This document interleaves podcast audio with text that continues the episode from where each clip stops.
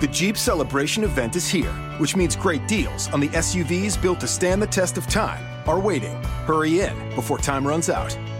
Right now, during 10 days to deal, financing at $5,250 total cash allowance on the purchase of a 2019 Jeep Renegade Latitude.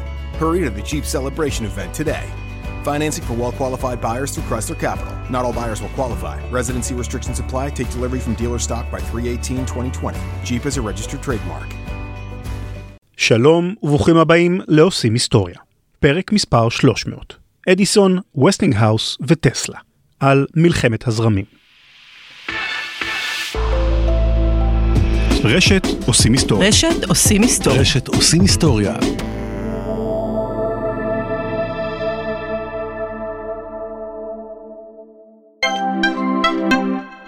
אם ההיסטוריה המשפחתית שלכם חשובה לכם, כמוני, אתם ודאי רוצים שגם הנכדים והנינים שלכם ישמעו עליה. בסיפור משפחתי אנחנו נתווה מהסיפור שלכם תוכנית רדיו דוקומנטרית מרתקת שיאזינו לה גם בעוד 50 שנה. familysounds.co.il סיפור משפחתי, מתנה מדהימה שנשמרת לדורות. Tranquility Base here. The Eagle has landed. עושים היסטוריה עם רן לוי.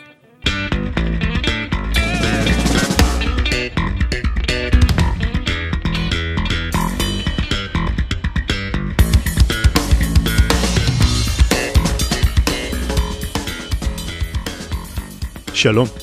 יש לי מסורת בעושים היסטוריה. כל מאה פרקים אני משתדל להביא לכם פרק מיוחד ושונה מהרגיל, שמציג באופן כלשהו טפח מה נעשה מאחורי הקלעים של התוכנית. בפרק 100 זה היה פרק מיוחד על ההיסטוריה של הפודקאסטים בארץ ובעולם. בפרק 200 סיפרתי לכם על תהליך העבודה על הפרקים, ובפרק הזה אני אמשיך את המסורת של הצצה אל מאחורי הקלעים של העשייה שלנו. מלחמת הזרמים היה הנושא של פרקים 3 ו-4 של עושים היסטוריה. אנחנו מדברים כאן על שנת 2007, פחות או יותר. כמה שנים מאוחר יותר, אחרי שצברתי קצת ניסיון, קצת הרבה ניסיון, החלטתי לגנוז את הפרקים האלה. למעשה, החלטתי לגנוז את כל הפרקים הראשונים של עושים היסטוריה, כיוון שהרגשתי שהם בוסריים מדי ולא מספיק מהוקצעים. מאוחר יותר, בעקבות בקשות חוזרות ונשנות ממאזינים, החלטתי לפתוח אותם מחדש להאזנה, חוץ מהפרקים של מלחמת הזרמים. למה? כי הם היו גרועים באופן יוצא דופן. הם היו גרועים לא רק מבחינה טכנית של איכות ההקלטה, העריכה וכדומה, אלא גם מבחינת איכות התוכן שלהם. אז לרגל פרק 300 החלטתי לעשות משהו שמעולם לא עשיתי בתוכנית עד כה, ולכתוב מחדש פרקים שכבר עלו בעבר לאוויר, הפרקים על מלחמת הזרמים. בנוסף, בסוף הפרק ננתח את הפרקים המקוריים, אלה שכתבתי לפני כמעט 13 שנה, ונראה מה היו הבעיות הגדולות שלהם. האזנה נעימה.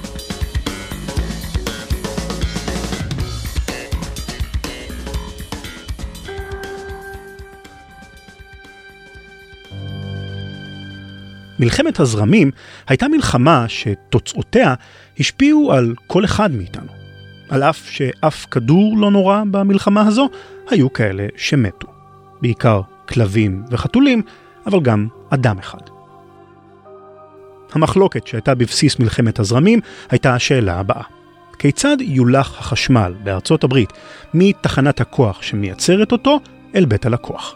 האם זה יהיה זרם ישר, DC, או באמצעות זרם חילופין, AC. למי שמתוודע על העניין בפעם הראשונה, זה נראה כמו דיון טכני לחלוטין. אבל אל תיתנו לרושם הראשוני הזה להטעות אתכם.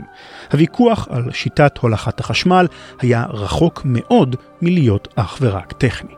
היו מעורבים בו אגו ופחד וכסף. הרבה מאוד כסף.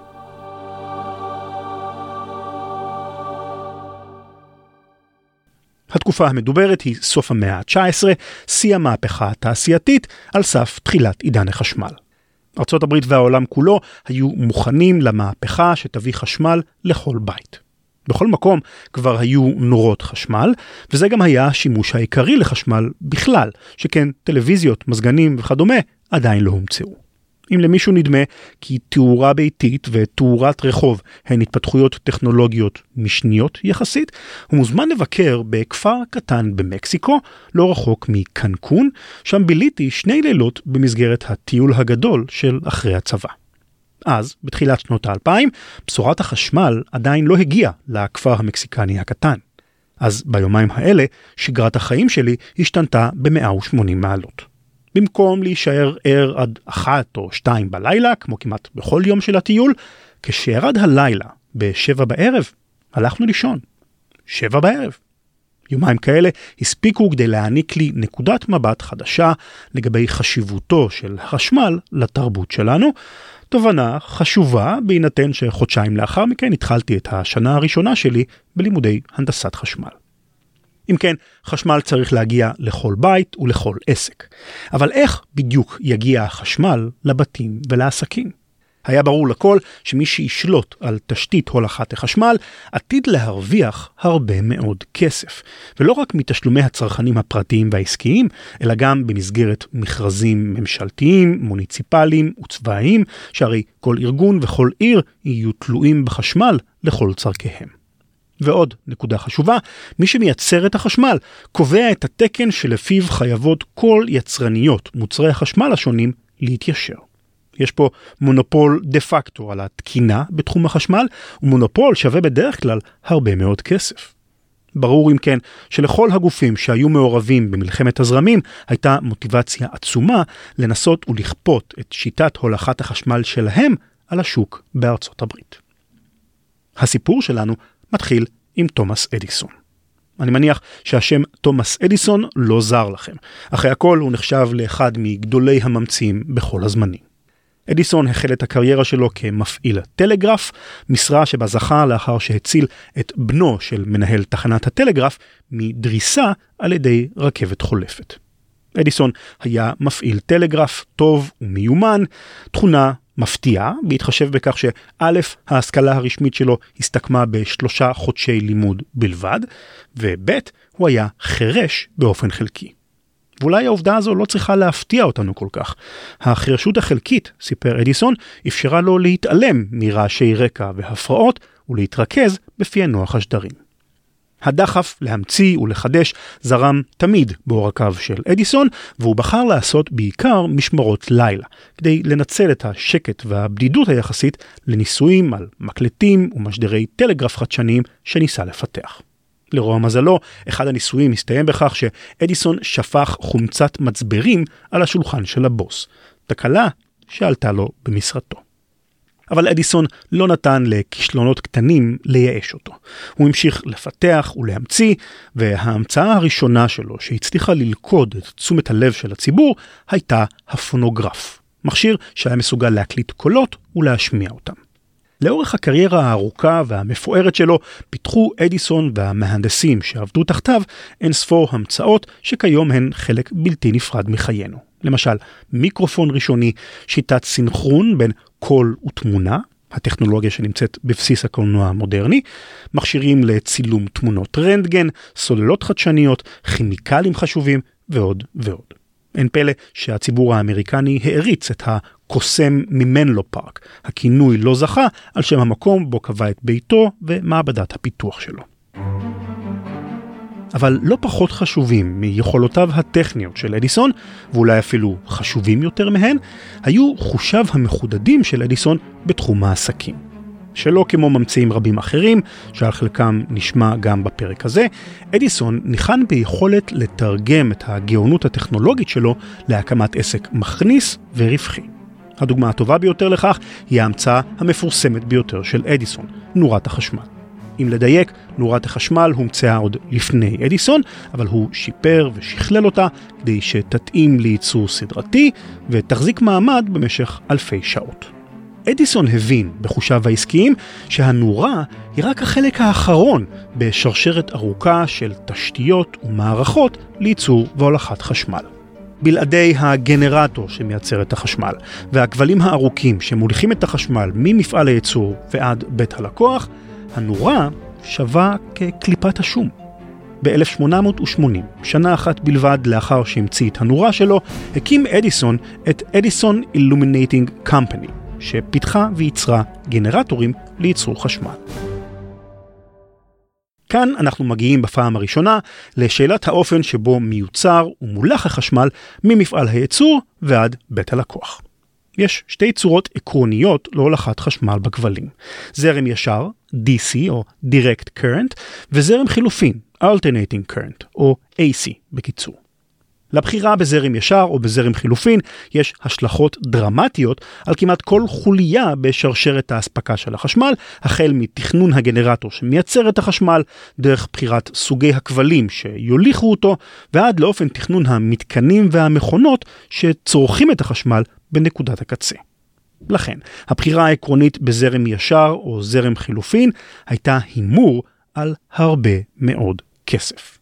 אם בחרת בטכנולוגיית זרם ישר, ובסופו של דבר כל העולם החליט לעבוד בזרם חילופין, או להפך, המשמעות הייתה שכל הכסף שהשקעת בהקמת תשתית ייצור והולכת חשמל נזרק לפח, פשוטו כמשמעו, ואתה מפסיד את כל ההשקעה שלך. אם נדמה את צומת ההחלטה הזו למשחק בקזינו, אדיסון ניצב בפני רולטה שהיו בה רק שני מספרים, והוא היה צריך לבחור על איזה משני המספרים האלה הוא רוצה לשים את כל הכסף שלו. אדיסון הימר על זרם ישר, וכדי להבין מדוע בחר בזרם ישר, בואו נבין טוב יותר מהו זרם חשמלי בכלל, וזרם ישר בפרט. זרם חשמלי הוא תנועה של אלקטרונים. האלקטרונים בתוך פיסת מתכת לדוגמה, פחות או יותר חופשיים לנוע ממקום למקום בתוך המתכת, אבל בהיעדר התערבות חיצונית, שום דבר לא שולט על כיוון תנועתם, וכך כל אלקטרון נע לכיוון אחר באופן אקראי. אפשר לדמות את המצב הזה לאולם כנסים שבו הקהל נע מדוכן לדוכן, כל אחד לפי מה שמעניין אותו באותו הרגע. אבל מה יקרה אם לפתע מישהו יפתח את מערכת הכריזה ויכריז שימו לב, קפה וקורסונים חינם במבואה. אה, סליחה, היינו בכנס בסקנדינביה. התכוונתי שאנחנו בכנס בישראל. או, זה יותר הגיוני. בכל אופן, תחת השפעת כוח הקורסון, כל האורחים בכנס מסתובבים והולכים לאותו הכיוון. במילים אחרות, נוצר זרם של אנשים שצועדים או רצים לכיוון המבואה. אותו הדבר מתרחש במתכת כאשר מחברים אותה למקור מתח, כמו סוללה. אם מחברים את המתכת למקור מתח חיובי, הצד החיובי של הסוללה, האלקטרונים, שיש להם מטען חשמלי שלילי, יימשכו אל הסוללה וינועו לכיוונה כגוף אחד, כמו מכוניות בכביש חד-סטרי. אם מחברים את המתכת למקור מתח שלילי, דהיינו צד המינוס של הסוללה, האלקטרונים השליליים יידחו ממנו וינועו בכיוון ההפוך. הפרט החשוב לענייננו הוא שאם מחברים למתכת מקור מתח קבוע, דהיינו מכשיר שמייצר את אותו המתח בדיוק כל הזמן, כמו סוללה למשל, האלקטרונים יזרמו תמיד באותו הכיוון. זהו זרם ישר. לזרם ישר יש כמה יתרונות, אבל העיקרי שבהם היא העובדה שקל יחסית לייצר אותו בעזרת גנרטורים פשוטים, מה שכונה אז דינמו, וקל לאגור ולאחסן אותו באמצעות סוללות, בטריות. מכיוון שכך, כמעט כל מאמצי המחקר והפיתוח בתחום החשמל לאורך המאה ה-19 התמקדו בזרם ישר. רוב המהנדסים בתקופתו של אדיסון הבינו זרם ישר וידעו לעבוד איתו, וכל התשתיות הרלוונטיות, מהגנרטורים שייצרו את החשמל ועד המנועים שצרכו אותו, התאימו לעבודה בזרם ישר. כשמבינים את הסביבה ההנדסית שבה גדל אדיסון, קל להבין מדוע החליט להמר על זרם ישר כשיטה המועדפת לייצור והולכת חשמל. אבל לזרם ישר היה גם חיסרון גדול מאוד, חיסרון שנובע מתכונה בסיסית של כל חומר שנקראת התנגדות, resistance. התנגדות, כשמה כן היא, היא הנטייה של החומר להתנגד למעבר של זרם חשמלי דרכו. נזכור שזרם חשמל עשוי מאלקטרונים, והאלקטרונים האלה נעים בין האטומים של המתכת, ומדי פעם בפעם הם מתנגשים בהם. ההתנגשויות האלה בולמות את תנועת האלקטרונים וממירה חלק מהאנרגיה החשמלית לחום שנפלט מהמתכת. לפעמים אנחנו יכולים לנצל את החום שיוצר את ההתנגדות לצרכנו. הנורה שפיתח אדיסון, למשל, הייתה מבוססת על חוט דק בעל התנגדות גבוהה מאוד, כך שזרם החשמל שעבר דרכו גרם לו להתחמם לטמפרטורה גבוהה ולזרוח באור חזק. אבל ברוב המקרים, החום שיוצר את ההתנגדות הוא בזבוז של אנרגיה. תחשבו על הכבלים הארוכים שמוליכים את החשמל ממפעל הייצור ועד לבית הלקוח. ההתנגדות של הנחושת, ממנה עשויים הכבלים, היא התנגדות נמוכה יחסית, אבל בכל זאת מדובר בכבלים באורך של עשרות ומאות קילומטרים, ואפילו אם כל מטר של כבל מבזבז רק מעט אנרגיה חשמלית, לאורך הכבל הארוך אחוזים ניכרים מאוד מהאנרגיה הולכים לאיבוד כחום ולא מגיעים לביתו של הצרכן. הבזבוז הזה עולה המון כסף ליצרניות החשמל, שכן הן צריכות להוסיף עוד ועוד גנרטורים כדי לפצות על האנרגיה שהלכה לאיבוד בדרך. כמות האנרגיה שהולכת לאיבוד כחום תלויה במידת ההתנגדות של החומר שדרכו זורם החשמל, אבל, וזו נקודה חשובה, היא תלויה מאוד גם בעוצמת הזרם. קל להבין את זה אם נדמיין את האלקטרונים זורמים בתוך החומר ומתנגשים באטומים. אם נזרים דרך החומר יותר אלקטרונים, דהיינו זרם חזק יותר, נקבל יותר התנגשויות, ולכן יותר בזבוז אנרגיה. הנקודה הקריטית כאן היא שהפסד האנרגיה כתוצאה מהתנגדות לא רק גדל בהתאם להתחזקות עוצמת הזרם, הוא גדל לפי הזרם בריבוע. זאת אומרת, אם הזרם דרך החומר גדל פי 2, בזבוז האנרגיה גדל פי 4, ואם הזרם גדל פי 4, הבזבוז גדל פי 16. במילים אחרות, ככל שליצרנית החשמל יש יותר לקוחות שצורכים ממנה זרם, האנרגיה שהולכת לאיבוד כחום בתוך הכבלים גדלה בקצב מסחרר. לאדיסון ולאנשיו היו שתי פתרונות אפשריים לבעיה הזו. הראשון היה להוליך את החשמל בכבלי נחושת עבים יותר. ככל שהכבל עבה, ההתנגדות החשמלית שלו פוחתת. ואז פחות אנרגיה חשמלית מומרת לחום והולכת לאיבוד. אבל כאן יש בעיה. נחושת היא מתכת יקרה, וכל מילימטר שאנחנו מוסיפים לקוטר של הכבל מייקר את תשתית ההובלה במידה משמעותית, עד כדי אלפי דולרים לקילומטר של כבל. הפתרון השני הוא להקפיד שהכבלים לא יהיו ארוכים מדי. אם אורכו של כבל הוא קילומטר אחד במקום שני קילומטרים, חסכנו חצי מהאנרגיה שהייתה הולכת לאיבוד. אבל המשמעות של כבלים קצרים היא שאדיסון צריך להקים את תחנות הכוח שלו הרבה יותר קרוב לבתי הלקוחות, במרחק של לא יותר משלושה קילומטרים. מכאן שידרשו המון תחנות כוח קטנות כדי לספק חשמל לעיר גדולה כמו ניו יורק. הקמת תחנות כוח היא לא עניין זול, אבל יותר זול מאשר לעבות את כבלי הנחושת, ולכן זה היה הפתרון שבו בחר אדיסון. הרבה תחנות כוח קטנות שמפוזרות ברחבי העיר ומספקות חשמל לצרכנים שקרובים אליהן. אבל תומאס אדיסון לא היה היחיד שהבין שהעתיד נמצא בחשמל. בארצות הברית קמו כמה וכמה חברות שעסקו בייצור והפצת חשמל, ולא מעט אנשי עסקים ממולחים לטשו את עיניהם לשוק המתפתח והמסקרן הזה. אחד מהם היה ג'ורג' וסטינגהאוס.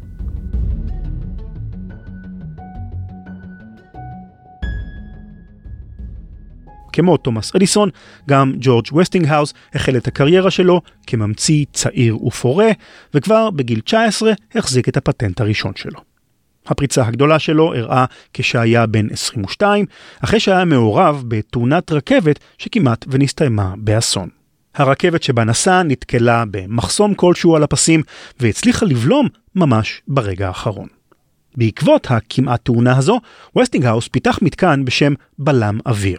מכשיר שנעזר באוויר דחוס כדי לאפשר לרכבת לבצע בלימת חירום מהירה. בלם האוויר האוטומטי של וסטינגהאוס קידם את תעשיית הרכבות המתפתחת, שהייתה אז בחוד החנית של הקדמה הטכנולוגית וההתפשטות האמריקנית למערב היבשת, והפך אותה לבטוחה ואמינה יותר. וסטינגהאוס, שכמו אדיסון הוכיח את עצמו לא רק כממציא אלא גם כאיש עסקים מעולה, הקים את החברה שנקראה על שמו. והיא הפכה עד מהרה למעצמה תעשייתית שייצרה כמעט כל מכשיר שאפשר להעלות על הדעת. תנורים, מקררים, טוסטר משולשים, מכונות תפירה, מכונות כביסה, טוסטר משולשים, מייבשי כביסה, מערכות סטריאו, רק היום במחסני... אתם מבינים את הכוונה. וסטינגהאוס עקב בעניין רב אחר ההתפתחויות בעולם החשמל, וב-1885 שכר את שירותיו של מהנדס מבריק בשם ויליאם סטנלי ג'וניור, כדי שיפתח עבורו את התשתיות הדרושות לייצור והולכת חשמל. בתחילה שקל וסטינגהאוס לבסס גם את התשתית שלו על חשמל בזרם ישר ולהתחרות ראש בראש בחברה של תומאס אדיסון. אבל עד מהרה הוא הבין שזאת תהיה טעות עסקית חמורה. תומאס אדיסון החזיק בפטנטים על כמעט כל היבט של ייצור והולכת חשמל בזרם ישר, מהגנרטור בצד אחד ועד המנורות והמנועים בצד השני, וברגע שווסטינגהאוז יתחיל לשווק את השירות שלו, עורכי הדין של אדיסון יתנפלו עליו ולא ינוחו עד שימצאו את העילה לגרור אותו לבית המשפט. החשש הזה, יחד עם סוגיית בזבוז האנרגיה בכבלי הנחושת וההכרח להקים המון תחנות כוח קטנות, הפכו את העסק כולו להרבה פחות משתלם. וסטינגהאוס חיפש פתרון, ויום אחד נתקל במאמר במגזין אירופאי שעסק בחשמל, אבל מסוג אחר. חשמל בזרם חילופין, AC. כשקרא וסטינגהאוס את המאמר, הוא הבין שהוא מחזיק בידיו את המפתח לפתרון בעיית בזבוז האנרגיה, ואולי גם את המפתח לניצחון בקרב העסקי מול תומאס אדיסון. מהו זרם חילופין? ובכן, אם בזרם ישר כל האלקטרונים נעים לאותו הכיוון, כמו מכוניות בכביש חד סטרי, בזרם חילופין האלקטרונים מחליפים את כיוון תנועתם פעם קדימה ופעם אחורה. אתם אולי שואלים את עצמכם, רגע, אם הם נעים קדימה ואז אחורה, אז הם אף פעם לא מגיעים ליעדם, למנורה או למנוע שבבית הלקוח. זה נכון, אבל זה לא משנה. עצם תנועתם של האלקטרונים בתוך המוליך היא זו שמעבירה את האנרגיה. לצורך ההדגמה, קחו את כפות הידיים שלכם, תצמידו אותן זו לזו ותתחילו לשפשף. אחרי כמה שניות תתחילו להרגיש את הידיים מתחממות, וזה למרות שכפות הידיים נעו קדימה ואחורה במקום. במילים אחרות, מבחינה עקרונית, זרם חילופין מספק אנרגיה חשמלית לצרכן בדיוק כמו זרם ישר. אם כן, איך יכול זרם החילופין לפתור את בעיית החימום ובזבוז האנרגיה בכבלי החשמל? ובכן, כמות האנרגיה החשמלית שעוברת בכבל תלויה בשני גורמים, כמות הזרם ועוצמת המתח. באנלוגיה לצינור מים, הזרם הוא כמות המים שעוברת בצינור, והמתח הוא כמו הלחץ שלהם. נאמר שאני רוצה להשתמש בצינור המים כדי לנקות את רצפת החנייה שלי מחוץ לבית. אני יכול לקחת צינור ענק ולהעביר בו המון המון מים שישטפו את הרצפה ויסחפו את הלכלוך כמו בצונאמי, או לחילופין, אני יכול לקחת צינור הרבה יותר דק, אבל לדחוף בתוכו את המים בלחץ מאוד מאוד גבוה. אם ראיתם פעם מכשיר לניקוי באמצעות לחץ מים, אתם יודעים שזה עובד מצוין. באותו האופן, אנחנו יכולים להעביר את אותה כמות של אנרגיה חשמלית, או באמצעות זרם חשמלי גדול במתח נמוך, או באמצעות זרם קטן, אבל במתח גבוה מאוד. אם יש לנו שתי אפשרויות, ושתיהן מביאות לאותה התוצאה, איך נדע באיזו מהן לבחור?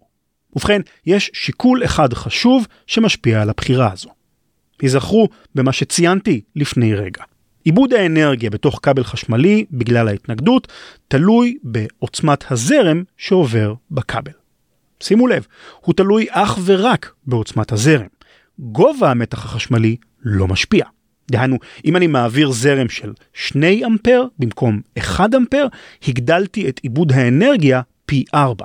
אבל אם הגדלתי את המתח מ-100 וולט ל-1000 וולט, מיליון וולט, זה לא משפיע על כמות האנרגיה שהולכת לאיבוד. נהפוך הוא, אם הגדלתי את לחץ המים בצינור שלי, אני יכול להסתפק בצינור דק יותר כדי לנקות את החנייה שלי. ובאותו האופן, אם הגדלתי את עוצמת המתח, אני יכול להקטין את הזרם שעובר בכבל. ואם הקטנתי את הזרם החשמלי, הקטנתי גם את כמות האנרגיה שמתבזבזת בגלל ההתנגדות.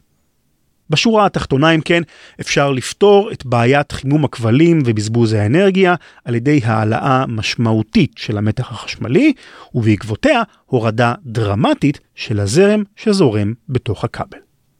הבעיה היא שבזרם ישר אי אפשר להעלות בקלות את המתח החשמלי. אם הגנרטור שלך מייצר חשמל במתח של 100 וולט, לדוגמה, היה קשה מאוד להפוך את המתח הזה ל-1000 וולט. אבל, וזו הנקודה החשובה לענייננו, כשמדובר בזרם חילופין, קל יחסית לבצע את ההמרה הזו. המאמר שבו נתקל ג'ורג' וסטינגהאוס תיאר פיתוח חדש יחסית בשם שנאי, טרנספורמטור בלעז, שמסוגל לקבל בצד אחד שלו חשמל בזרם ומתח כלשהם, ולהוציא מהצד השני חשמל בזרם ומתח שונים לגמרי, בתנאי שמדובר בחשמל בזרם חילופין. זה אומר שאפשר לצורך הדוגמה להשתמש בגנרטור במתח נמוך, לחבר אותו לשנאי ולהמיר את המתח הזה למתח גבוה. הזרם בהתאמה יומר מזרם גבוה לזרם נמוך. החשמל במתח גבוה יזרום בכבלי הנחושת עם מעט מאוד בזבוז אנרגיה עד שיגיע קרוב מאוד לביתו של הצרכן, שם יוצב שנאי נוסף שיוריד את המתח הגבוה בחזרה למתח נמוך, שהוא המתח שלו זקוקים הנורות והמכשירים השונים. וסטינגהאוס וסטנלי, המהנדס שעבד איתו, החלו פועלים במרץ כדי להקים מערכת לייצור והולכת חשמל בזרם חילופין. הם רכשו פטנט לייצור השנאי החדש, הזמינו גנרטור זרם חילופין מחברת סימנס הגרמנית, והחלו את הניסויים הראשונים שלהם בשטח. ההתקדמות הייתה מבטיחה, אבל וסטינגהאוס היה זקוק למכשיר אחד ספציפי, שבלעדיו הרשת החשמלית שקיווה להקים בארצות הברית לא תהיה מושלמת. מנוע חשמלי שמסוגל לעבוד בזרם חילופין. בתי חרושת ומפעלים צריכים מנועים שיניעו את מכונות הטקסטיל, את המחרטות וכל שאר המכונות התעשייתיות. לתומאס אדיסון היו מנועים שעבדו עם זרם ישר, ולכן הוא היה מסוגל לספק ללקוחות שלו פתרון מלא מקיר אל קיר. לא רק לייצר את החשמל ולהוליך אותו עד המפעל, אלא גם למכור להם מנועים שיכולים לעבוד עם החשמל הזה. כשג'ורג' וסטינגהאוס נכנס לתמונה שנה לאחר מכן, כמעט כל דבר בעולם זרם החילופין היה עדיין חדש, טרי ולא מוכר. בפרט מנועי חשמל שעובדים בזרם חילופין היו עדיין בחיתוליהם, והמנועים היחידים שהיו זמינים לווסטינגהאוס היו מנועים בעלי יעילות נמוכה מאוד. דהיינו מנועים שצרכו המון אנרגיה חשמלית, אבל הפיקו רק מעט מאוד עבודה מועילה. וסטינגהאוס חיפש בנרות מנוע חשמלי טוב ויעיל כדי להציע ללקוחות הפוטנציאליים שלו פתרון מלא, שווה ערך לזה שנתן תומאס אדיסון. וכאן נכנס לתמונה ניקולה טסלה.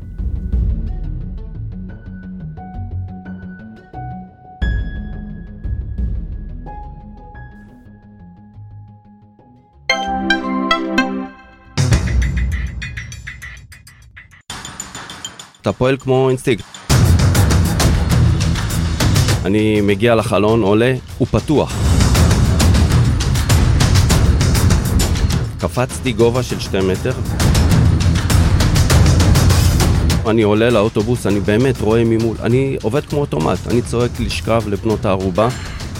אני סורק, אני יודע שזה גברים, אני רואה מתחתיי בדיוק בספסל האחורי, מחבל, שוכב. היה לו מעצור בנשק, והמבט שלו, הוא הבין שלקראת מה הוא הולך. הסתכלתי לו בעיניים, זה שבריר שנייה, אני רואה אותו הולך להבין מה הולך לקרות, כי האקדח כבר בתוך הפנים שלו, טווח של חצי מטר, יריתי מטח כמו שאני מתורגל. צעקתי מחבל הרוג. קצין החבלה סנסולו הגיע עד אליי, והוא צעק חדל כי הוא ראה שני מחבלים הרוגים בדרך. אז אה, זה מסתיים מבחינתי. חפשו סיפורים מהניידת באתר שלנו ובאפליקציות הפודקאסטים. המשך יבוא. ניקולה טסלה נולד ב-1851 בכפר סרבי קטן שנמצא היום בשטח של קרואטיה. הוא כבר בגיל צעיר יחסית הוכיח את עצמו כמהנדס מוכשר במידה יוצאת דופן. הוא הקים את רשת הטלפוניה בהונגריה, רשת שהייתה אחת הראשונות באירופה כולה, והגה המצאות רבות ומגוונות, ביניהן למשל הרמקול הראשון. התכונה הבולטת ביותר של טסלה כמהנדס הייתה התפיסה האינטואיטיבית רבת העוצמה שלו לגבי חשמל. הוא הבין דברים וראה דברים בעיני רוחו שמהנדסים אחרים היו מסוגלים להבין בקושי רק אחרי נבירה באינסוף משוואות וחישובים. כילד צעיר, טסלה ניחן בזיכרון צילומי וחווה הבזקי השראה כמו אפילפטים. מילה או עצם כלשהו שראה, יזמו במוחו התקפים פתאומיים של הערה, וטסלה היה רואה אז המצאות שלמות לנגד עיניו. ב-1884 היגר ניקולה טסלה לארצות הברית והתייצב לראיון בחברה היחידה שידע שיוכל לממש בה את הפוטנציאל שלו, החברה של תומאס אדיסון. בכיסו של טסלה היה מכתב המלצה שהעניק לו מעסיקו הקודם באירופה. אני מכיר שני אנשים דגולים כתב המנהל במכתב ההמלצה, הראשון הוא אתה, והשני ניצב לפניך.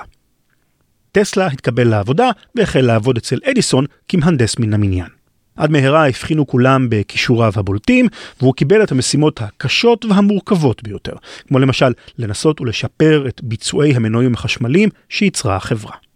אבל כעבור שישה חודשים בלבד הסתיים הרומן הקצר עם החברה של אדיסון, וטסלה עזב אותה בטריקת דלת. אנחנו לא יודעים מה בדיוק עמד מאחורי הפרידה הלא נעימה הזו. על פי אחת הגרסאות של הסיפור, אחד ממנהליו של טסלה הבטיח לו בונוס שמן במיוחד אם יעמוד במשימה כלשהי, אבל בהמשך הפר את ההבטחה הזו. תהא הסיבה אשר תהא, טסלה החליט להתפטר ולנסות את מזלו כממציא עצמאי. הוא חבר לשני משקיעים, ויחד הם הקימו חברה שפיתחה נורות לתאורת רחוב, עוד פיתוח טכנולוגי שהסעיר את דמיונו של הציבור באותם הימים. אבל המיזם הזה כשל. המשקיעים החליטו לקחת את כספם למקום אחר, וטסלה נותר פחות או יותר חסר כל. מצבו הכלכלי היה כל כך קשה, עד שהוא נאלץ לפנות לעבודות דחק בשכר זעום, כמו למשל חפירת שוחות בקרקע, עבור לא אחרת מאשר, למרבה האירוניה, החברה של תומאס אדיסון. אבל גם בתקופות הקשות ביותר, מוחו של טסלה לא הפסיק לייצר תובנות ורעיונות חדשים, כמו למשל מנוע שעובד על חשמל בזרם חילופין. כאמור, היו כבר בנמצא מנועים שכאלה, אבל הם לא היו מוצלחים במיוחד. למה? היזכרו באופן פעולתו של זרם חילופין.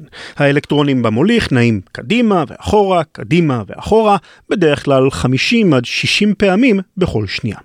בזמן תנועתם, האלקטרונים מייצרים שדה מגנטי, והשדה המגנטי הזה הוא זה שמסובב את ציר המנוע. אבל אם האלקטרונים נעים קדימה, ואז אחורה, ואז שוב קדימה, זה אומר שיש רגעים שבהם הם מאטים, עוצרים, ומשנים את כיוון תנועתם. ליתר דיוק, בין 100 עד 120 רגעים כאלה בכל שנייה. וברגעים האלה, כשהאלקטרונים עומדים במקום, הם לא מייצרים שדה מגנטי, מה שאומר ששום דבר לא דוחף את המנוע. טסלה הבין, בעזרת האינטואיציה ההנדסית החזקה שלו, את נקודת התורפה הזו של מנועי זרם חילופין, והגה דרך מחוכמת לפתור אותה. במקום להשתמש בזרם חשמלי יחיד כדי לסובב את ציר המנוע, הוא השתמש בשניים. דהיינו, אל המנוע מגיעים שני קווי חשמל בזרם חילופין נפרדים זה מזה. שני הזרמים בכבלים יהיו מסונכרנים ביניהם באופן כזה שבזמן שבכבל אחד האלקטרונים מאטים ועוצרים כדי להחליף את כיוון תנועתם, האלקטרונים בכבל השני יהיו בשיא תנועתם. וכשהאלקטרונים בכבל השני עוצרים כדי להחליף כיוון, האלקטרונים בכבל הראשון ינועו בתנופה מלאה וחוזר חלילה. אפשר לחשוב על זה כמו שני פדלים של אופניים. בזמן שפדל אחד נמצא בנקודה הכי נמוכה של הסיבוב שלו, הפדל השני יהיה בנקודה הכי גבוהה, ולהפך. בתוך המנוע, זרם האלקטרונים הראשון מייצר שדה מגנטי שדוחף את ציר המנוע, ואז כצפוי הזרם מאט ונעצר, והשדה המגנטי נעלם. אבל בדיוק באותו הרגע, זרם האלקטרונים השני, שנמצא בשיא תנועתו, מייצר גם הוא שדה מגנטי חזק, ועכשיו השדה הזה דוחף את המנוע, ומפצה על העובדה שהשדה המגנטי הראשון איננו.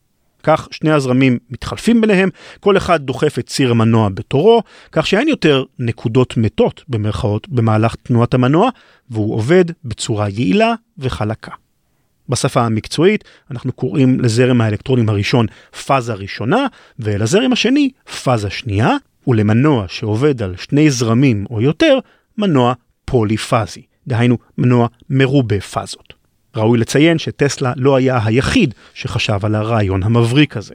היה ממציא נוסף שהגה את אותו הרעיון ממש כמעט במקביל לטסלה, אבל הוא היה באירופה וטסלה בארצות הברית, כך שהשניים לא היו מודעים זה לעבודתו של זה.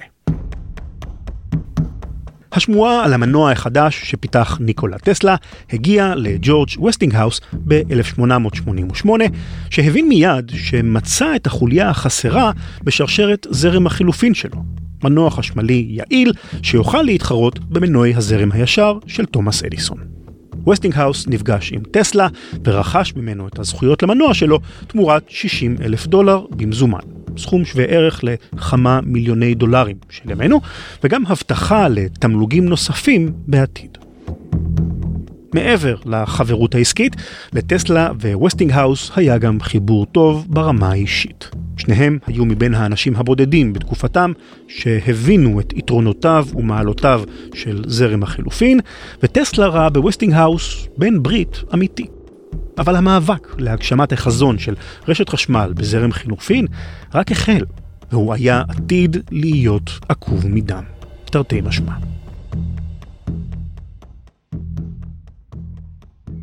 אם הייתם מתהלכים ברחובותיה של ניו יורק ב-1888 ומרימים את הראש לשמיים, לא הייתם רואים הרבה שמיים, אלא עשרות כבלי מתכת. טלגרף, חשמל זרם ישר, חשמל זרם חילופין, קווי טלפון ראשונים ועוד ועוד. היו המון חברות חשמל ותקשורת בניו יורק, וכל אחת מהן בנתה תשתית הולכה משלה. התוצאה הייתה עמודי חשמל שנשאו עשרות ואף מאות כבלים מכל סוג. המודעות לסכנת ההתחשמלות ותכנון בטיחותי של מערכות ההולכה הייתה אז כמעט ולא קיימת באותה התקופה, והיו הרבה מקרים שבהם כבלי נחושת שנשאו חשמל במתח גבוה מאוד עברו ליד כבלי תקשורת במתח נמוך. תקלות חיבור, או אפילו רוח חזקה במיוחד, היו גורמים לכבלים לגעת זה בזה, ואז כבל תקשורת, שהיה בדרך כלל בטוח ובלתי מזיק, הפך לפתע למלכודת מוות שרק מחכה לקורבן הבא. ב-1888 וב-1889 היו לא מעט קורבנות כאלה בניו יורק. החורף של 88 למשל היה קשה ומושלג במיוחד, עמודי חשמל רבים קרסו תחת כובד השלג ועשרות אנשים התחשמלו למוות. מקרה אחד זכור במיוחד.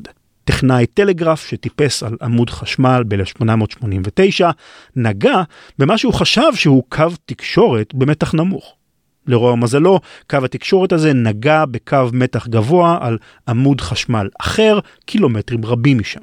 הטכנאי המסכן התחשמל ונהרג במקום, אבל גופתו מעלת העשן נותרה תקועה על עמוד החשמל במשך שעות ארוכות, לנגד עיניהם של עוברי האורח המזועזעים, עד שהצליחו לחלץ אותה משם. האירועים הקשים האלה, שדווחו בהרחבה בעיתונות המקומית, הובילו למחאה ציבורית גדולה בניו יורק. עיקר המחאה הופנה נגד חשמל בזרם חילופין, שכן חלק גדול מקווי המתח הגבוה בעיר נשאו זרם חילופין, שהרי כפי שציינתי קודם, קל יותר להמיר חשמל בזרם חילופין ממתח נמוך למתח גבוה וחזרה. אחד המבקרים הקולניים ביותר של זרם החילופין היה מהנדס חשמל בשם הרולד בראון.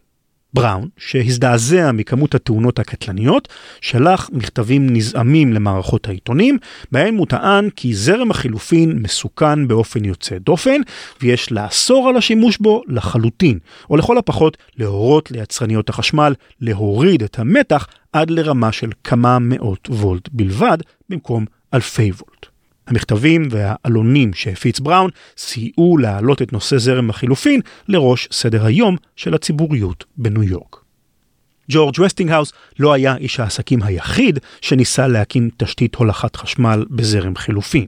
היו עוד חברות שעשו את אותו הדבר בדיוק, אבל בהיותו תעשיין מוכר ומפורסם, הוא מצא את עצמו מייצג בעיני הציבור את התומכים בזרם חילופין.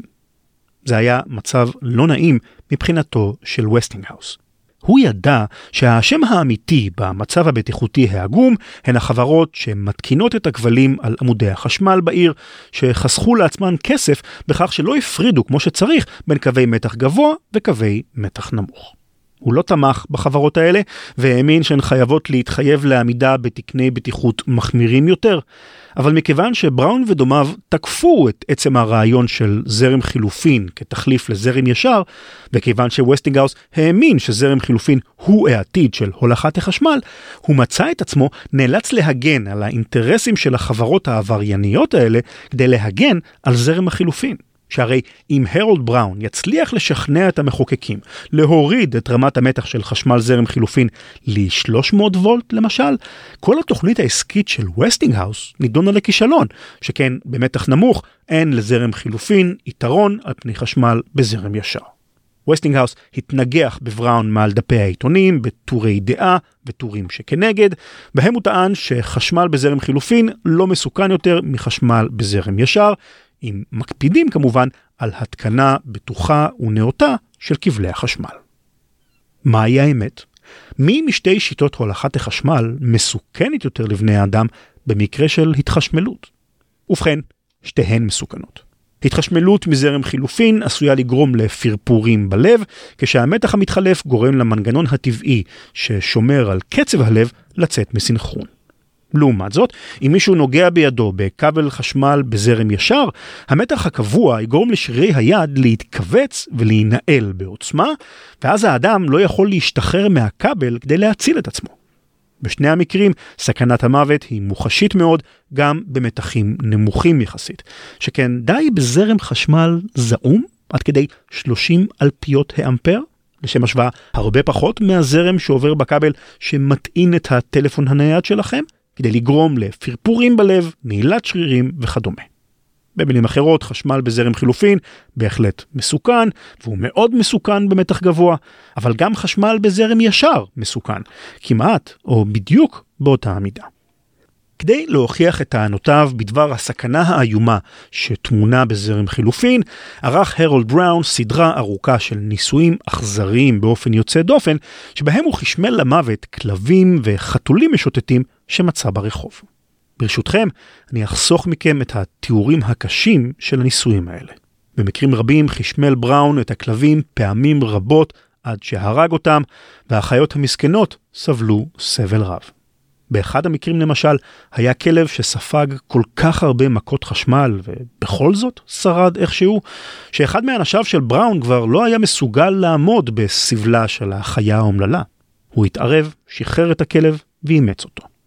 אין ספק שבראון האמין שסבלם של הכלבים הוא לשם מטרה טובה, הצלת חיי אדם, אבל גם האנשים שסבבו אותו עיקמו את אפם בחלחלה למראה שיטות העבודה שלו. אחרי הניסויים בכלבים, עבר בראון לחשמל כבשים, סוסים ובעלי חיים גדולים אחרים, שכן אלה היו דומים יותר לבני אדם במשקלם.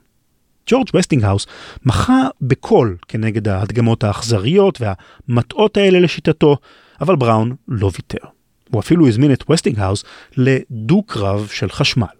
הוא וווסטינגהאוס יקבלו מכות חשמל בעוצמה הולכת וגוברת, בראון מזרם ישר וווסטינגהאוס מזרם חילופין, והראשון שייכנע ויפרוש מהדו-קרב יהיה המפסיד. וסטינגהאוס, שלא במפתיע, סירב להצעה. בכל הזמן הזה, הרולד בראון טען שהוא פועל באופן עצמאי ומתוך דאגה כנה לשלום הציבור. יכול להיות שזה נכון, אבל עד מהרה הסתבר שהוא לא היה גלוי לחלוטין עם הציבור. הוא ותומאס אדיסון. היו לא מעט מהנדסי חשמל שתמכו בווסטינגהאוס והסכימו איתו שזרם חילופין לא בהכרח מסוכן יותר מזרם ישר, אבל היו גם כאלה שהסכימו עם בראון, ואחד מהם היה תומאס אדיסון. בחברה של תומאס אדיסון היו מהנדסים רבים שהבינו את היתרונות של זרם חילופין. הם הבינו שהולכת חשמל במתח גבוה פותרת את בעיית בזבוז האנרגיה בכבלים הארוכים, ושזרם חילופין עדיף על פני זרם ישר לשם הולכת חשמל למרחקים ארוכים. אבל אדיסון עמד בשלו וסירב לעבור לזרם חילופין. מדוע? הסיבה הראשונה הייתה סכנת ההתחשמלות. אדיסון, כמו הרולד בראון, האמין שזרם חילופין מסוכן לבני אדם הרבה יותר מזרם ישר. במכתב פרטי שכתב לאחד מחבריו, הוא טען כי, ציטוט, אני משוכנע לחלוטין שווסטינגהאוס יהרוג את הלקוח הראשון שלו פחות משישה חודשים אחרי שיפרוס את מערכת ההולכה שלו. סוף ציטוט. הסיבה השנייה, והמעשית יותר, הייתה שזרם חילופין היה כאמור טכנולוגיה חדשנית ופורצת דרך לתקופתה, והגנרטורים, השנאים והמנועים השונים עדיין לא היו אמינים ויעילים כמו מקביליהם הוותיקים יותר בעולם הזרם הישר. אדיסון לא רצה לבנות את העסק שלו על טכנולוגיה רעועה ולא מוכחת.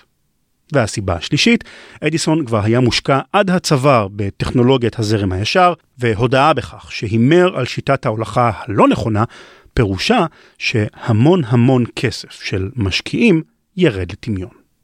זו הסיבה לכך שכשפנה הרולד בראון לתומאס אדיסון כדי שיסייע לו במאבקו נגד זרם החילופין, אדיסון הסכים בחפץ לב. הוא העניק לבראון תקציבים, עובדים ושטח באחת ממעבדותיו. הוא עשה זאת בחשאי, כנראה כדי שלא לקלקל את תדמיתו הציבורית. המעורבות של אדיסון במחקריו של בראון נחשפה רק כשמספר מסמכים ומכתבים שנגנבו ממשרדו של בראון התפרסמו בעיתונות. שיאה של המעורבות של אדיסון בהדגמותיו של בראון הייתה העזרה שלו בפיתוח הכיסא החשמלי. באותם הימים, השיטה המקובלת להוצאה להורג של פושעים הייתה בתלייה, אבל המחוקקים של ניו יורק חיפשו שיטת הוצאה להורג שתהיה מתקדמת, הומנית ואמינה יותר. בראון קפץ על המציאה. מה יכול להיות טוב יותר כדי להדגים עד כמה חשמל זרם חילופין מסוכן לבני אדם, מאשר להרוג בעזרתו בני אדם? הוא פנה לוועדה שעסקה בנושא והציע להם את רעיון הכיסא החשמלי. כיסא שבו יושב הנידון למוות, ואז מחשמלים אותו בעזרת זרם חילופין כמובן. הוועדה בחנה את הרעיון ואימצה אותו. הראשון שנבחר כדי לבחון את השיטה החדשה הלכה למעשה היה רוצח בשם ויליאם קמלר, שנידון למוות זמן מה קודם לכן. כדי לבנות את הכיסא החשמלי שלו, בראון היה זקוק לשלושה גנרטורים שהפיקו חשמל בזרם חילופין. אבל מאיפה ישיג גנרטורים שכאלה? הוא פנה לאדיסון ולחברה נוספת, תומסון יוסטון שמה, לעזרה. אולי תופתעו לשמוע שגם תומסון יוסטון, כמו ווסטינגהאוס, הייתה חברה שייצרה גנרטורים של זרם חילופין. אם כן, איזה אינטרס היה להם לעזור לבראון, שקיווה להכפיש כך את תדמיתו של זרם החילופין? האינטרס היה ברור.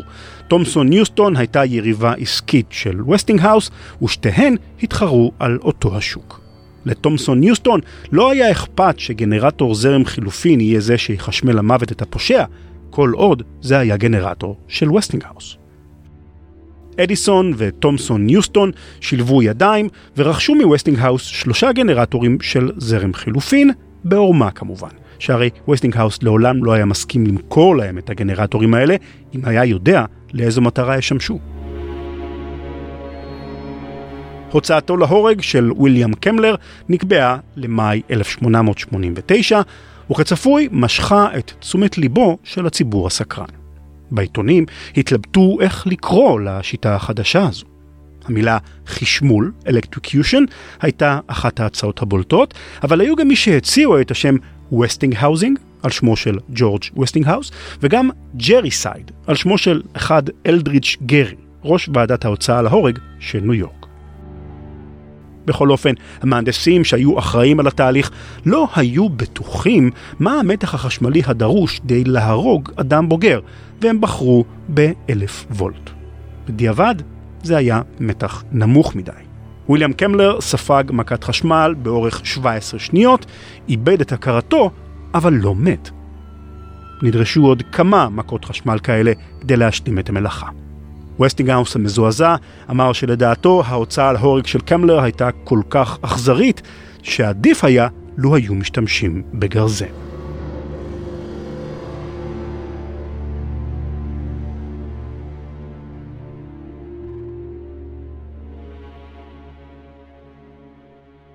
הוצאתו להורג של ויליאם קמלר סימנה את שיאה של מלחמת הזרמים, המלחמה על תדמיתו של זרם החילופין בעיני הציבור. אבל למרות שכלפי חוץ נדמה היה שזרם חילופין מאבד את תמיכת הציבור בעקבות ההתחשמלויות הרבות ברחובות, הניסויים האכזריים של הרולד בראון והתמיכה התקיפה של אדיסון בזרם ישר, מאחורי הקלעים הכף החלה לנטות דווקא לטובתו של זרם החילופין. בסוף שנות ה-80 של המאה ה-19 התחולל משבר כלכלי גדול בארצות הברית, שאילץ את יצרניות ציוד החשמל להיכנס למסלול של מיזוגים ורכישות כדי להתחמק מאיום של פשיטת רגל. לתומאס אדיסון היו בשלב זה מספר חברות שהתמזגו כולן לכדי חברה אחת, ג'נרל אלקטריק. בתהליך המיזוג, אדיסון איבד את השליטה על החברה החדשה, וכבר לא היה המחליט הבלעדי בה, עובדה שגרמה לו למרירות רבה. בשלב הזה כבר היה ברור לכולם כמעט שזרם חילופין הוא פתרון טכנולוגי עדיף בהרבה על זרם ישר. הוא מאפשר ליצרניות החשמל להקים רק מעט תחנות כוח גדולות במקום המון תחנות כוח קטנות, ובכך לחסוך המון כסף. הקולות בתוך החברה שתמכו במעבר לזרם חילופין גברו על התומכים בזרם הישר, וג'נרל אלקטריק החלה נוטשת את החזון של תומאס אדיסון. אבל גם ג'ורג' וסטינגהאוס היה בצרות כלכליות. מלחמת הזרמים עיכבה את פריסת רשת החשמל שלו, והוא הבין שאם לא יעשה דבר, הוא עומד לפשוט את הרגל. וסטינגהאוס פנה לניקולה טסלה, ובצעד חריג ביקש ממנו לוותר על התמלוגים השמנים שהיה אמור לקבל מהשימוש במנוע הפוליפזי שהמציא. אם לא תוותר על התמלוגים, הוא אמר לטסלה, הנושים שלי ידיחו אותי מהחברה, ואז תיאלץ לריב עם הבנקאים כדי לקבל את הכסף שלך. טסלה, שהאמין בווסטינגהאוס ובכנות כוונותיו, הסכים. הוא קרע לגזרים את ההסכם הקודם שלהם, וויתר על התמלוגים שהגיעו לו. חברת וסטינגהאוס שרדה את המשבר הכלכלי, ובהמשך רכש ג'ורג' וסטינגהאוס את הזכויות המלאות על המנוע מטסלה, תמורת סכום חד פעמי נכבד של יותר מ-200 אלף דולר. נקודת המפנה הבא הגיעה ב-1892 בעקבות תערוכה גדולה שהתקיימה בשיקגו לרגל 400 שנה לגילוי אמריקה. חברת וסטינגהאוס זכתה במכרז להאיר את מתחם התערוכה, כשלושה קילומטרים רבועים שאירחו כ-27 מיליון איש, ועשתה זאת כמובן באמצעות זרם חילופין. זו הייתה הדגמת יכולת מרשימה מאוד של הטכנולוגיה החדשה, שסייעה לווסטינגהאוס לזכות במכרז הרבה יותר חשוב בשלהי אותה השנה. זה היה מכרז ממשלתי להפקת אנרגיה ממפלי הניאגרה. ועדה מיוחדת בחנה הצעות שונות ומשונות שנתקבלו מהציבור הרחב, רובן לא מעשיות. למשל, להשתמש במים כדי לדחוף אוויר דחוס בצינורות לאורך מאות קילומטרים, או רעיונות שכללו שימוש בדליים וחבלים. וסטינגהאוס זכתה במכרז והקימה גנרטורים שהפיקו חשמל בזרם חילופין ממי המפלים. החשמל זרם בשפע והאיר חלק ניכר מהחוף המזרחי של ארצות הברית. גם שדרות ברודוויי בניו יורק, למשל, זכו ליהנות מהחשמל הזול של וסטינגהאוס, והתאורה המרשימה של הרחוב הפכה ברבות השנים לסימן המסחרי שלו. גם אחרי המצאת המנוע הפוליפזי, ניקולה טסלה המשיך להסעיר את דמיונו של הציבור עם המצאות שכל אחת מהן הייתה יותר משונה ודמיונית מהקודמת. למשל, הוא הגה מעין קרני מוות של אנרגיה מרוכזת שישמידו מטוסים וספינות אויב ממרחק של מאות קילומטרים. וגם המציא מתקן מרשים בשם סליל טסלה שירה ברקים זוהרים לכל עבר.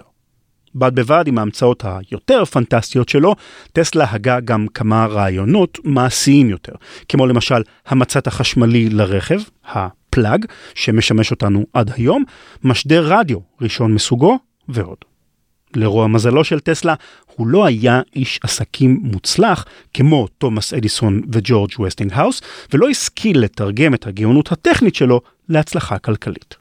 למשל, למרות שהקדים את גוליילמו מרקוני בהמצאת משדר הרדיו, ואפילו רשם פטנט על ההמצאה הזו בארצות הברית, הפטנט הזה בוטל כנראה משיקולים פוליטיים, וטסלה לא זכה לקבל עליו תמלוגים. זאת ועוד, טסלה סבל ככל הנראה מהפרעות נפשיות שהלכו והחמירו עם הגיל, כמו התנהגות אובססיבית קומפולסיבית שהתמקדה בספרה 3. הוא עשה הכל בשלשות, כמו למשל ללון בבתי מלון בחדרים שהמספרים שלהם מתחלקים בשלוש וכדומה. המחלה הזו העצימה בעיני הציבור הרחב את התדמית של טסלה כמדען מטורף במרכאות, והוא הלך לעולמו ב-1943 כשהוא עני וחסר כל. אבל ההיסטוריה בסופו של דבר שפטה את טסלה לחיוב, ובעשורים האחרונים הפך שמו, בצדק, למזוהה עם חדשנות ותעוזה טכנולוגית. לא במקרה בחר אילון מאסק, אחד היזמים הטכנולוגיים הבולטים של דורנו, לקרוא את חברת המכוניות החשמלית שלו על שמו של ניקולה טסלה.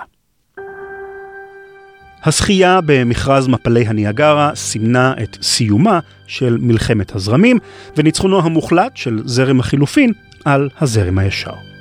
אדיסון לא טעה לגמרי בהימור שלו על זרם ישר.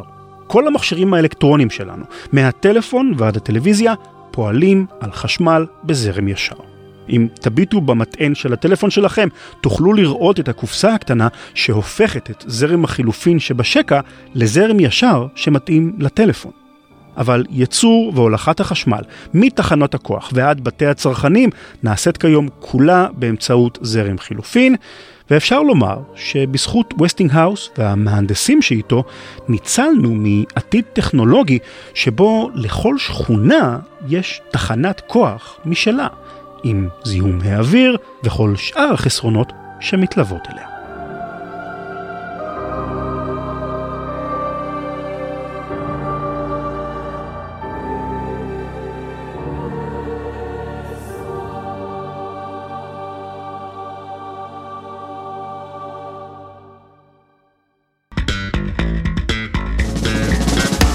זהו, עד כאן.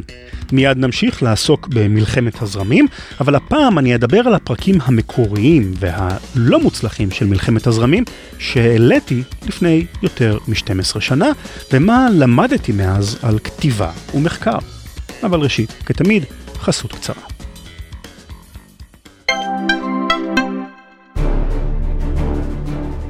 הרפתקאותיהם של קפטן פנדה וטופרבוי. במערה סודית, אי שם מתחת לסניף של איקאה, יושב קפטן פנדה מול מאות מסכי טלוויזיה, צופה באזרחי ישראל המנמנמים ומוודא ששנתם ערבה. אהה, הבחורה הזאת כאן היא מתהפכת מצד לצד. קדימה, טופרבוי, אל הפנדה מוביל! טופרבוי, קום! אה? אה, מה, מה קרה? אזרחי ישראל זקוקים לנו, טופרבוי, קח איתך מזרן ונצא לדרך. שלום גבירתי! מי זה? מה אתם? מי אתם? אין סיבה לדאגה גבירתי, אני קפטן פנדה וזה עוזרי הנאמן, טופרבוי. אה, אוי אלוהים, המדרגות האלה. נגמר לי הגב. מה אתם עושים בחדר השינה שלי? היום בשעה ארבע לפנות בוקר התהפכת מצד לצד ולא הצלחת להירדם. הבאנו לך מזרן של פנדה כדי שתשני טוב יותר בלילה. אבל עכשיו, שמונה בבוקר. כן, מאז שפתחו את נתיב פלוס הפקקים על ההיסטור. איך אתה יודע שלא ישנתי טוב? אה, את רואה שם בפינה? תעשי שלום למצלמה. אתה השתלת לי מצלמה בחדר השינה? אין צורך להודות לי גבירתי, תודי לפנדה ולמזרנים המעולים שהם מייצרים. קדימה טופרבוי, אזרחים נוספים זקוקים לנו. טופרבוי! אך, אל תדאגי גבירתי, זה כוח העל של טופרבוי, הוא נרדם בכל מקום, כי תמיד נוח לו. זכרי, אם המזרן לא מתאים לך מכל סיבה שהיא, רק תנופפי למצלמה, וטופרבוי יהיה פה כדי לאסוף אותו בחזרה. להתראות! זה בסדר, הוא ויסקו אלסטי. חזרו אלינו בשבוע הבא אל פרק נוסף של הרפתקאותיהם של קפטן פנדה וטופרבוי. אם גם אתם רוצים לישון טוב בלילה על מזרן של פנדה, כל מה שאתם צריכים לעשות הוא לנופף אל הנקודה השחורה בפינת החדר. לא, לא לשם, בצד השני, בדיוק. או לחילופין, בקרו באתר הבית של פנדה, zzz.co.il, והזמינו מזרן, טופר ומוצרי שינה נוספים במחירים משתלמים במיוחד. מאה לילות ניסיון ללא עלות, ללא התחייבות, ומשלוחים חינם. מזרני פנדה, פנדה zzz.co.il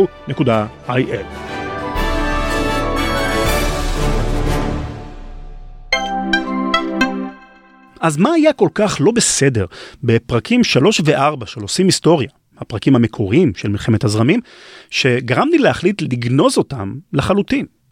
אז ראשית, במישור הטכני, איכות ההקלטה והקריינות שלי בפרקים הראשונים היו גרועים ובוסריים מאוד. הנה, לצורך ההשוואה, קטע קצר מהפרקים המקוריים. ברוכים הבאים לפרק השלישי של עושים היסטוריה, והפעם מלחמת הזרמים. המחלוקת שהביאה למלחמת הזרמים הייתה השאלה כיצד יולח החשמל בארצות הברית מהמפעל המייצר אותו אל בית הלקוח? האם זה יהיה זרם ישר, מה שאנחנו מכירים בתור DC, או אולי באמצעות זרם חילופין, AC. למי שרק מתוודע לעניין הזה בפעם הראשונה זה נראה ויכוח סתמי וטכני לחלוטין. אני, כשאני יושב עם עוד כמה מהנדסים בעבודה, אנחנו מנהלים את אותם הדיונים פחות או יותר כל יום. איפה נשים את השבב הזה, כמה מתח יבוא לפה, באיזה מסעדה נאכל ארוחת צהריים, אתם יודעים. אבל הוויכוח על שיטת הולכת החשמל הוא אחר לגמרי. וכמו תמיד, זה בגלל שכסף מעורב בסיפור הזה, והרבה כסף. אכן, תמונות קשות. אבל לא זו הסיבה שגנזתי את הפרקים האלה. לאיכות הטכנית של ההקלטה ולאיכות הקריינות יש חשיבות אדירה בעיניי, אבל האמת היא שכל הפרקים הישנים האלה הם די זיפט מהבחינה הזו, והפרקים על מלחמת הזרמים סבלו מחולשות הרבה יותר עמוקות ומהותיות לטעמי. למשל, בפרקים המקוריים ניקולה טסלה שיחק תפקיד הרבה יותר מרכזי בסיפור ההיסטורי. תפקיד שווה ערך מבחינת המקום שהוא מקבל בסיפור העלילה לזה של אדיסון וווסטינגהאוס. זו הייתה טעות. למרות שכפי ששמענו, טסלה המציא את המנוע הפוליפזי שהיה חיוני להתפתחות החשמל בזרם חילופין. הוא היה בסך הכל ממציא אחד בשרשרת ארוכה מאוד של ממציאים ומהנדסים, שפיתחו מגוון של מכונות ומכשירים חשובים, כמו שנאים, גנרטורים, ואפילו מד הזרם שמשמש כדי למדוד את צריכת החשמל של הצרכנים, כדי שאפשר יהיה לגבות מהם תשלום. כל אלה היו המצאות קריטיות עבור זרם החילופין, לא פחות מהמנוע הפוליפזי.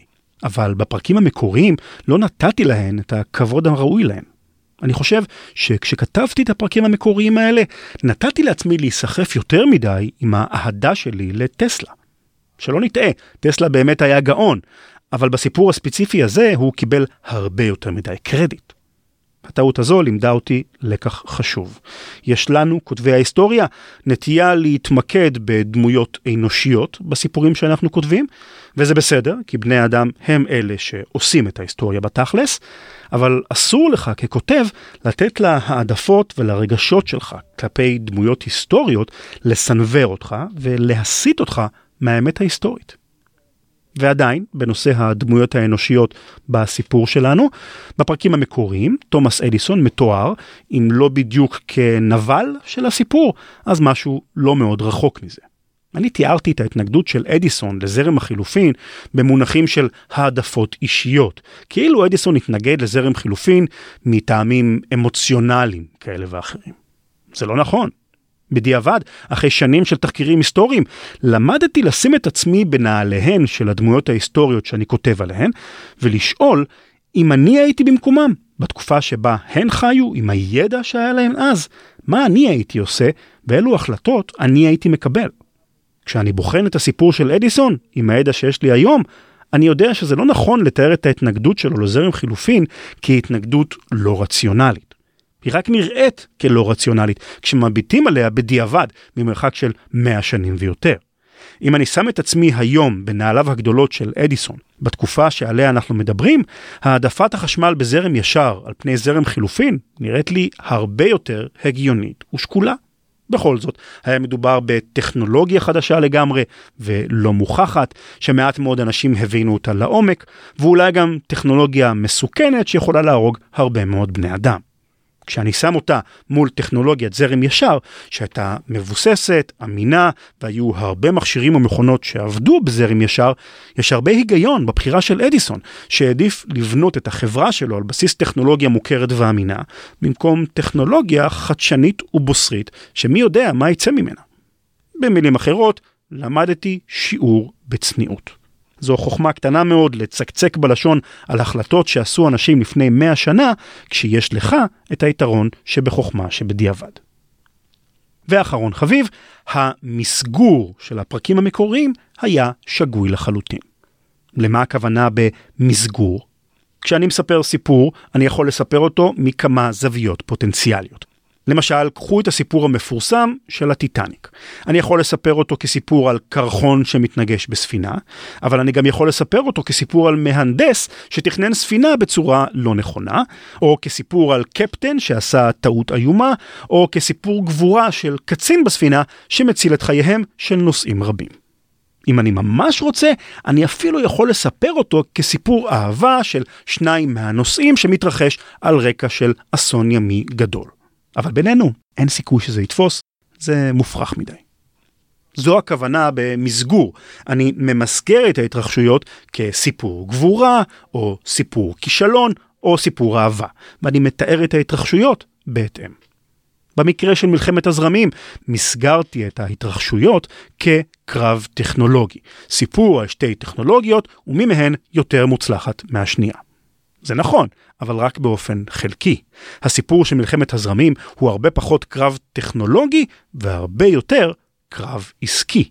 השאלה איזו טכנולוגיה עדיפה יותר מבחינה מעשית הייתה חשובה לסיפור ההיסטורי, אבל בתכלס רוב ההתרחשויות בסיפור הזה נבעו מאינטרסים כלכליים.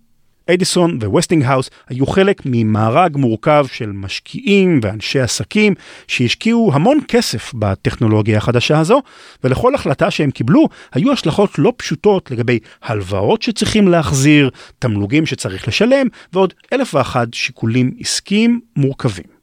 לפני 12 שנה, כשכתבתי את הפרקים המקוריים, לא הבנתי מספיק את העולם העסקי. כמהנדס חשמל הבנתי מצוין את הצדדים הטכנולוגיים של הסיפור, אבל הייתה לי רק הבנה בסיסית מאוד של השיקולים העסקיים שמעורבים בכמעט כל החלטה טכנולוגית. בשנים שחלפו מאז עבדתי בחברות קטנות וחברות גדולות, וראיתי איך ההחלטות הטכנולוגיות נובעות במקרים רבים מאוד משיקולים שלא קשורים בכלל לטכנולוגיות עצמן. יותר מזה, אני הקמתי עסק משלי, ואני רואה איך ההחלטות שאני מקבל ביום יום מושפעות מאוד משיקולים עסקיים. בקיצור, התבגרתי והבנתי איך העולם עובד באמת. ההבנה הזו התרגמה להבנה שהמסגור המקורי של סיפור מלחמת הזרמים כסיפור של קרב טכנולוגי הוא מסגור שגוי. בפרק ששמעתם עכשיו אני נתתי מקום ראוי יותר, אני מקווה, לשיקולים העסקיים שמאחורי ההחלטות השונות. אז בשורה התחתונה, הגרסה החדשה של מלחמת הזרמים, מעבר לעובדה שהיא טובה יותר במישור הטכני של איכות הקלטה וכדומה, היא בשאיפה נכונה יותר גם במישור העובדתי, ומתארת טוב יותר את המציאות כפי שהתרחשה אז, בסוף המאה ה-19. וזו, בסופו של דבר, המטרה שלי כיוצר. לא רק לספר סיפורים מעניינים, אלא גם לתאר את ההיסטוריה כפי שהיא הייתה באמת, או לכל הפחות, כמה שיותר קרוב למה שקרה באמת. הפרקים המקוריים פשוט לא תיארו את האמת הזו כמו שצריך, וזו הסיבה, יותר מכל סיבה אחרת, שהחלטתי לגנוז אותם. 300 פרקים אחר כך, גדלתי, התבגרתי, צברתי ניסיון, והחכמתי. זהו, אני מקווה שנתתי לכם הצצה מעניינת למאחורי הקלעים של תהליך הכתיבה של הפרקים ולשיקולים שמלווים אותי בזמן שאני חוקר אירועים היסטוריים כאלה ואחרים. ואם אתם שואלים את עצמכם, לא, אני לא מתכוון לכתוב מחדש עוד פרקים ישנים של עושים היסטוריה. יש לי כל כך הרבה נושאים מרתקים שעדיין לא כתבתי עליהם, שחבל לי לחזור אחורה ולעסוק בדברים שכבר כתבתי עליהם. אולי רק בפרק 400, מי יודע. הגענו לסוף הפרק, וזה המקום לומר תודה רבה לכל מי שליווה ומלווה אותי במסע הקסם המסתורי והמופלא הזה שאני חווה ב-12 השנים האחרונות. תודה לוויקטור בן עזרא, העורך הראשון של עושים היסטוריה, ולדינה בר מנחם, העורכת הלשונית הראשונה שלי. תודה לאיתמר וייסברג, השותף הראשון שלי בעולם הפודקאסטים, ולאביב אור, שעיצבה את הלוגו של עושים היסטוריה. תודה רבה לצוות הנהדר של פודקאסט ישראל, לשרה, אביב, גיא, איתמר, רועי ונייט, וגם לאנשים המוכשרים שעבדו בחברה והמשיכו לתפקידים אחרים, חלקם עדיין בעולם הפודקאסטים. יוסי מצ, דור קומט, ניר סייג, דניאל זיסמן, ואני מקווה שלא שכחתי אף אחד. תודה לנתן פוזניאק על עשרות תחקירים ורעיונות נהדרים, ותודה לכל המגישים והיוצרים של רשת עושים היסטוריה, שלא אפרט את כולם כי מדובר באמת בעשרות.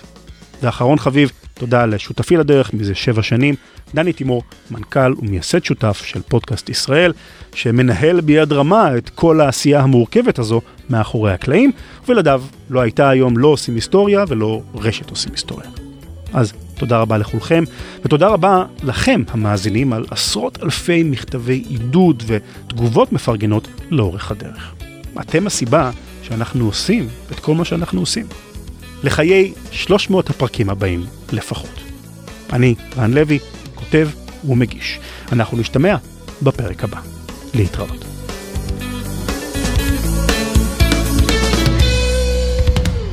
In this house, we obey the laws of thermodynamics.